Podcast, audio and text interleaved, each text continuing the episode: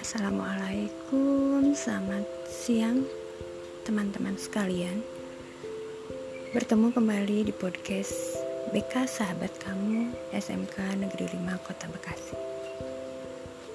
Podcast ini berisi materi ajar yang bisa kalian dengarkan kapan saja.